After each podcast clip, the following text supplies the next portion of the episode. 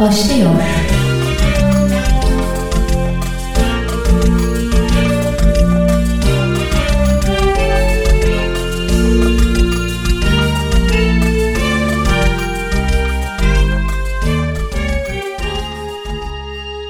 Merhaba sevgili sinema severler.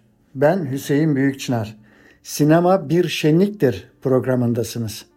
Her gün yeni bir gündemin oluştuğu güzel ve yalnız ülkemde büyük usta Ferhan Şensoy'un söylediği gibi her gün ulan bugün acaba ne olacak diye kalkıyoruz. Bu kadar da olmaz ki canım deyip yatıyoruz. Bakalım daha nelere tanık olacağız.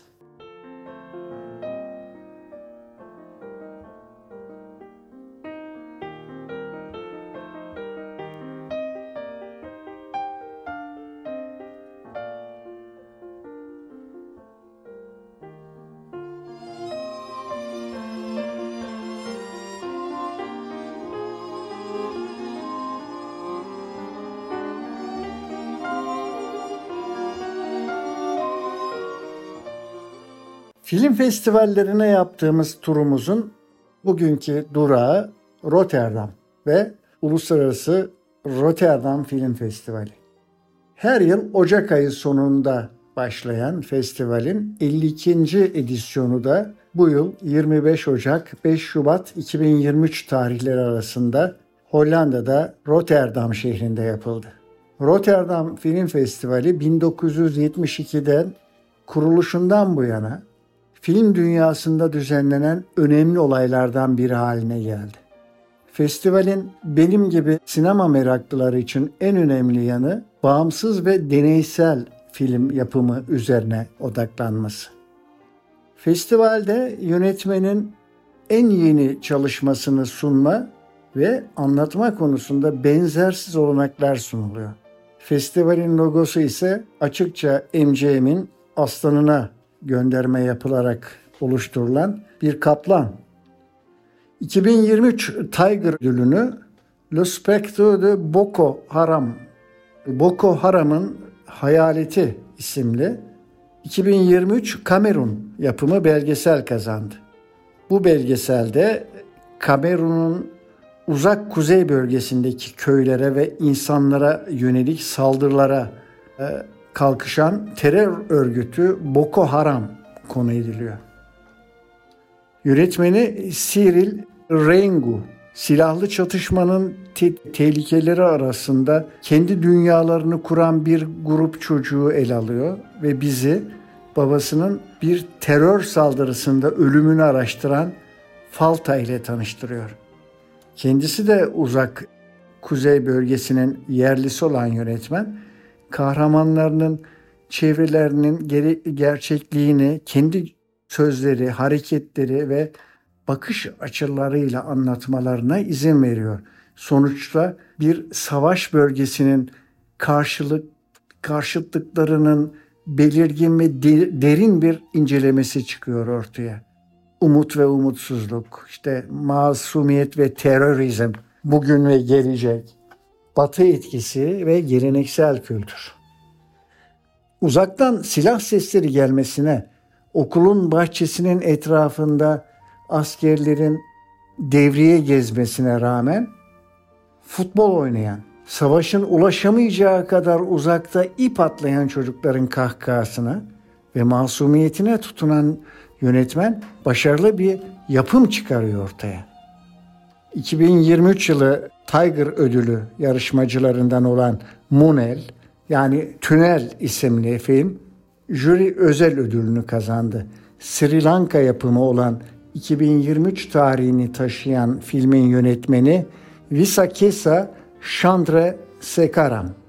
Filmde eski bir Tamil gerillası olarak yargılanan Rudran kefaletle serbest bırakılıyor. Yaşlanan bir kahin olan annesiyle kuzey eyaletindeki köyüne dönüyor. Günlerini ruhani alemde yastı bir köy topluluğu için kaybolanların nerede olduğunu bulmaya çalışarak geçiren Rudran, çocukluk aşkı Vani'yi yorulmak bilmeyen bir arayışla görmeye çalışıyor. hepsi iç savaşın doğrudan tanıkları olan e, bölgeden yerel Tamilce konuşanlardan oluşan amatör bir oyuncu kadrosu ve ekibiyle Munel, Sri Lanka'nın etnik azınlığının savaş sonrası bilincinin son derece özgür bir yansıması. Diğer bir jüri ödülü de 2023 Amerika Birleşik Devletleri yapımı olan ve Artemis Show ile Prashan Kamalankahan tarafından yönetilen New Strains filme verildi.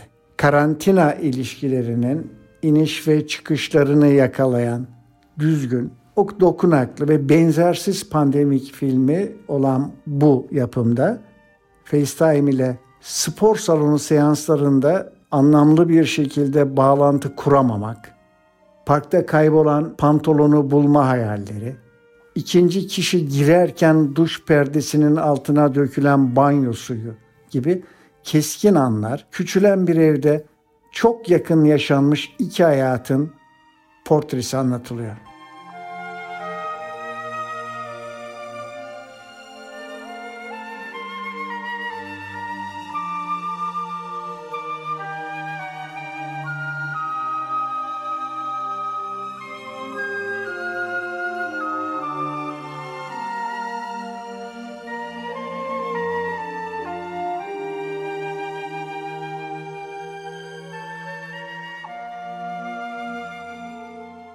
Programın ayrılmaz bir konusu, bölümü haline gelen kitaplarla ilgili olarak bugün yine ünlü İtalyan bilim insanı, yazar, edebiyatçı, eleştirmen ve düşünür Umberto Eco'dan ve onun diğer kitaplarının dışında farklı bir yöntemle kaleme aldığı Kraliçe Loana'nın gizemli alevinden söz edeceğim.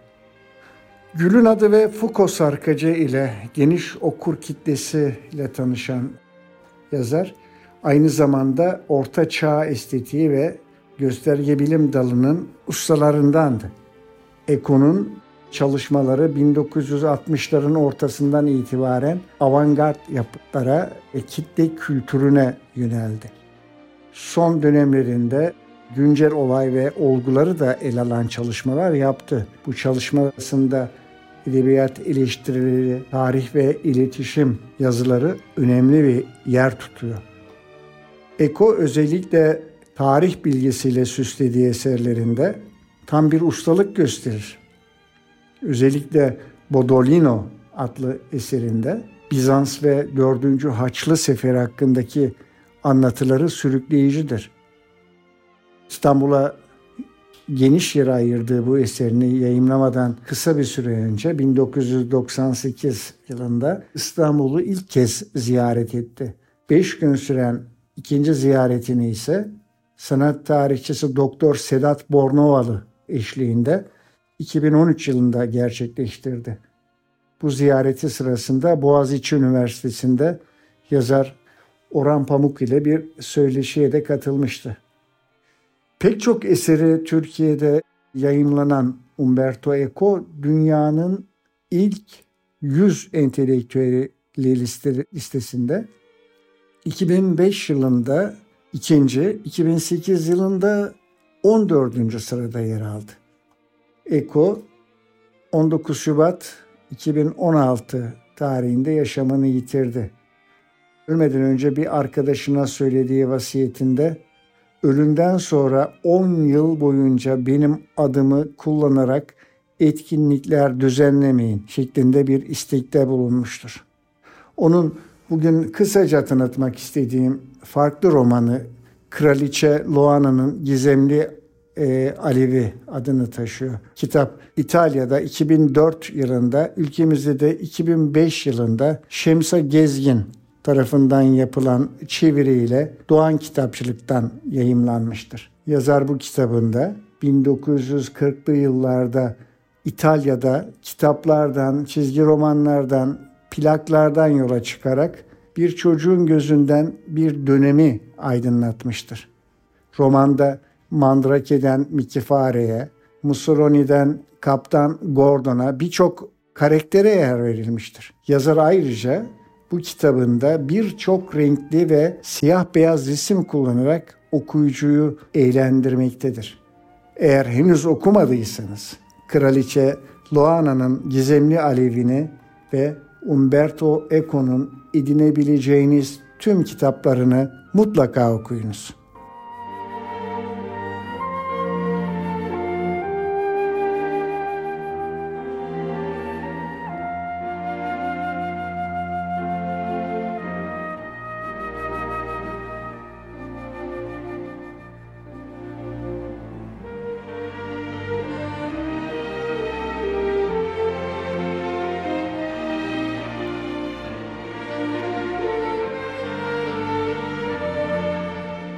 Twitter'daki hesabımda kısa yorumlarla paylaştığım filmler arasından seçtiğim 5 film bölümüne kaldığım yerden devam ediyorum.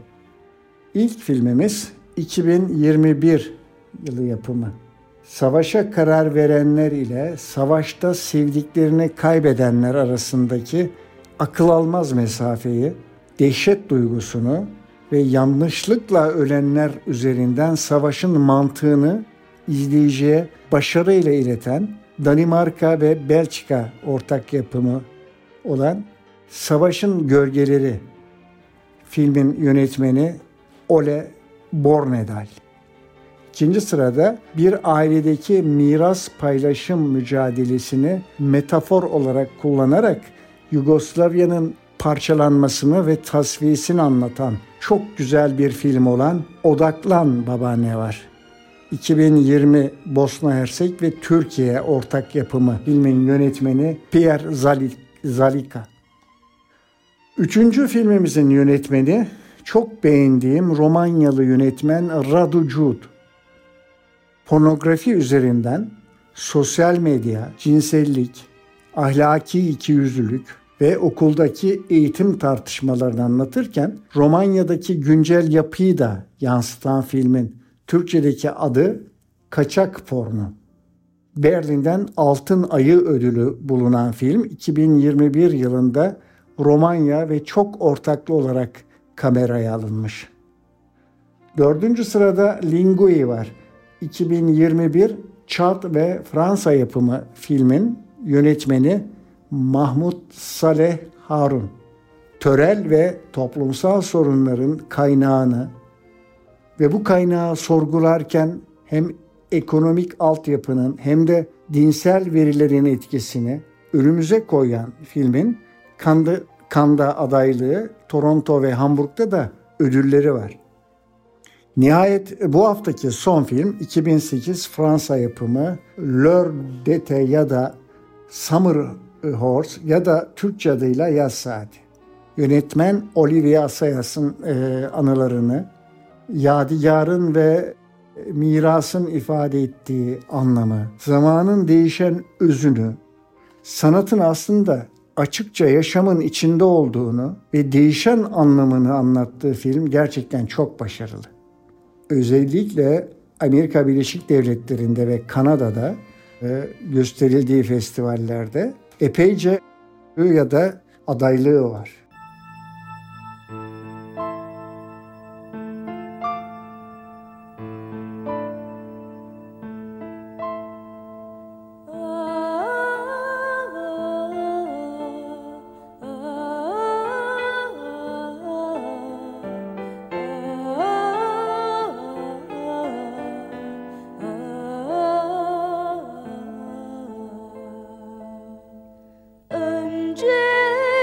olduk uçtuk semaya. Sonra vurulduk düştük sevda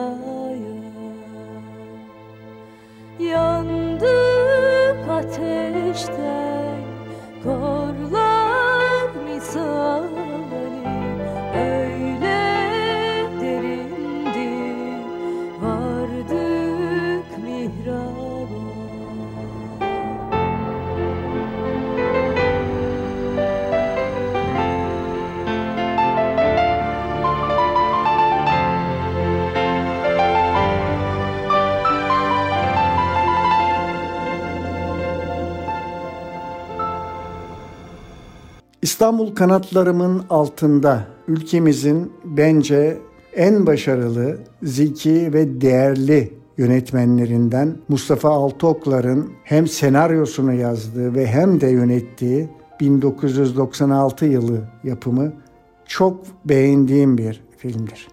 Müziklerini Tuluyhan Uğurlu'nun yaptığı ve şarkısını Gülay'ın seslendirdiği yapımda konu 17. yüzyılda Osmanlı Devleti'nin 4. Murat döneminde dünya tarihinde uçmaya teşebbüs eden ilk kişi olarak anılan Hezarfen Ahmet Çelebi'nin Galata Kulesi'nden uçma gir- girişimi etrafında anlatılır. Bu konuyu şu şekilde özetlemek de mümkün aslında. Hezarfen Ahmet Çelebi ve Lagari Hasan Çelebi kuş gibi uçabilmenin yöntemini bulmayı araştırmaktadırlar. Bu sırada Cezayirli korsanlar tarafından ele geçirilen bir Venedik gemisi İstanbul'a getiriliyor. Gemidekilerden biri de elinde uçmayı gösteren bir el yazması bulunan bir kız. Hezarfe'nin eline geçen el yazması kimse tarafından deşifre edilemez. Filmdeki öyküye göre gizemli el yazması Leonardo da Vinci'ye aittir. Hezarfen ve Hasan bir cesedi incelerken yakalanıyorlar ve idama gönderiliyorlar. Çünkü dönemin koşullarında bu eylem şiddetli bir suç. Sultan Murat ölü insan bedenleri üzerinde deney yapılmasını yasaklamış. Ancak ikilinin uçma konusundaki araştırmalarını ciddiye alıyor. İlerleyen zamanda Hezarfen ve Francesca adındaki kız birbirlerine aşık oluyorlar. Öncelikle bu filmin müthiş bir casting başarısı olduğunu söylemeliyim. Oyunculuklar en üst düzeyde olmakla birlikte bunun yanında karakterlere atamalar da kusursuzdur. Ege Aydın, Aydan, Okan Bayülgen, Beatriz Rico, Savaş Ay, Zuhal Olcay, Haluk Bilginer, Burak Sergen ve Tuncel Kurtiz filmin başarısında çok etkili oldular. Bu film her şeyden önce çekildiği ve gösterildiği dönemdeki siyasal ortamda çok cesur bir 4. Murat ve dönemine yönelik siyasal eleştiridir. Günümüzde sinema filmi olarak ya da televizyon dizisi olarak gündeme gelen yapımları gördüğümüzde ülkedeki yozlaşmanın şiddetini de hatırlatan bir filmdir İstanbul kanatlarımın altında çekildiği dönemin olanaklarıyla değerlendirildiğinde kullanılan teknikler ve çekim başarıları nedeniyle Mustafa Altoklar'ın görkemli bir başarısı olarak anılmalıdır.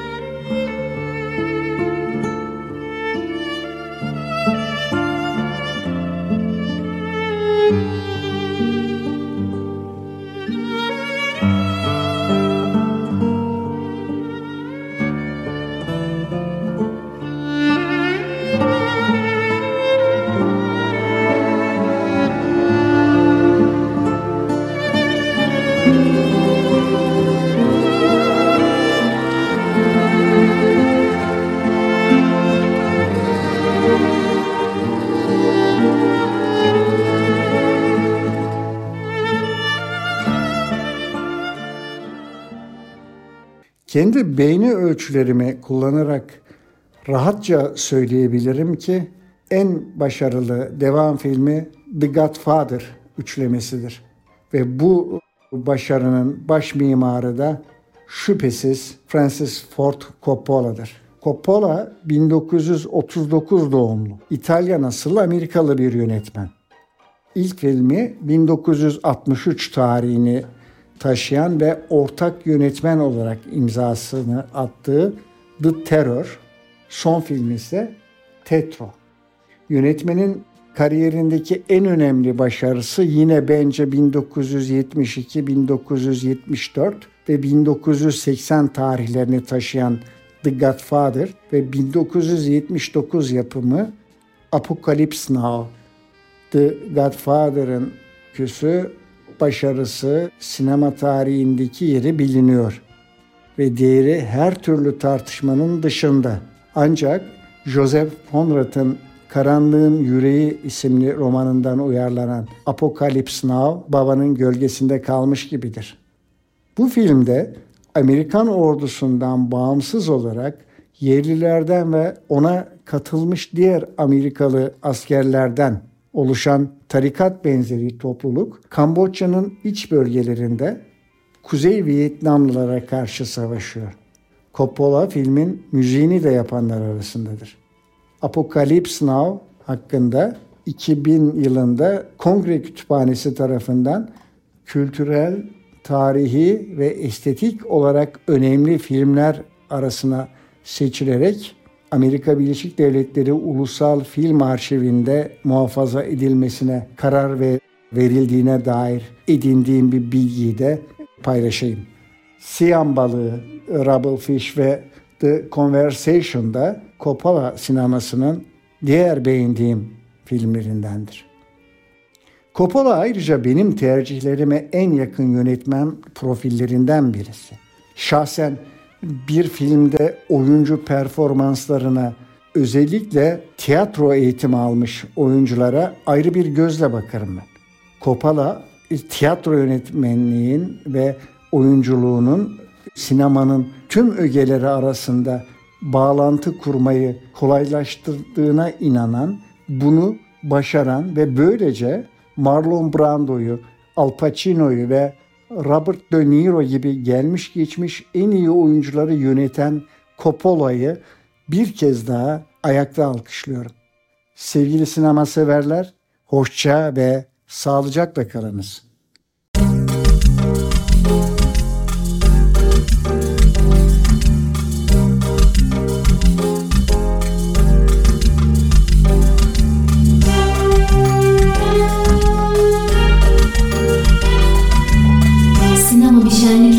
松奈。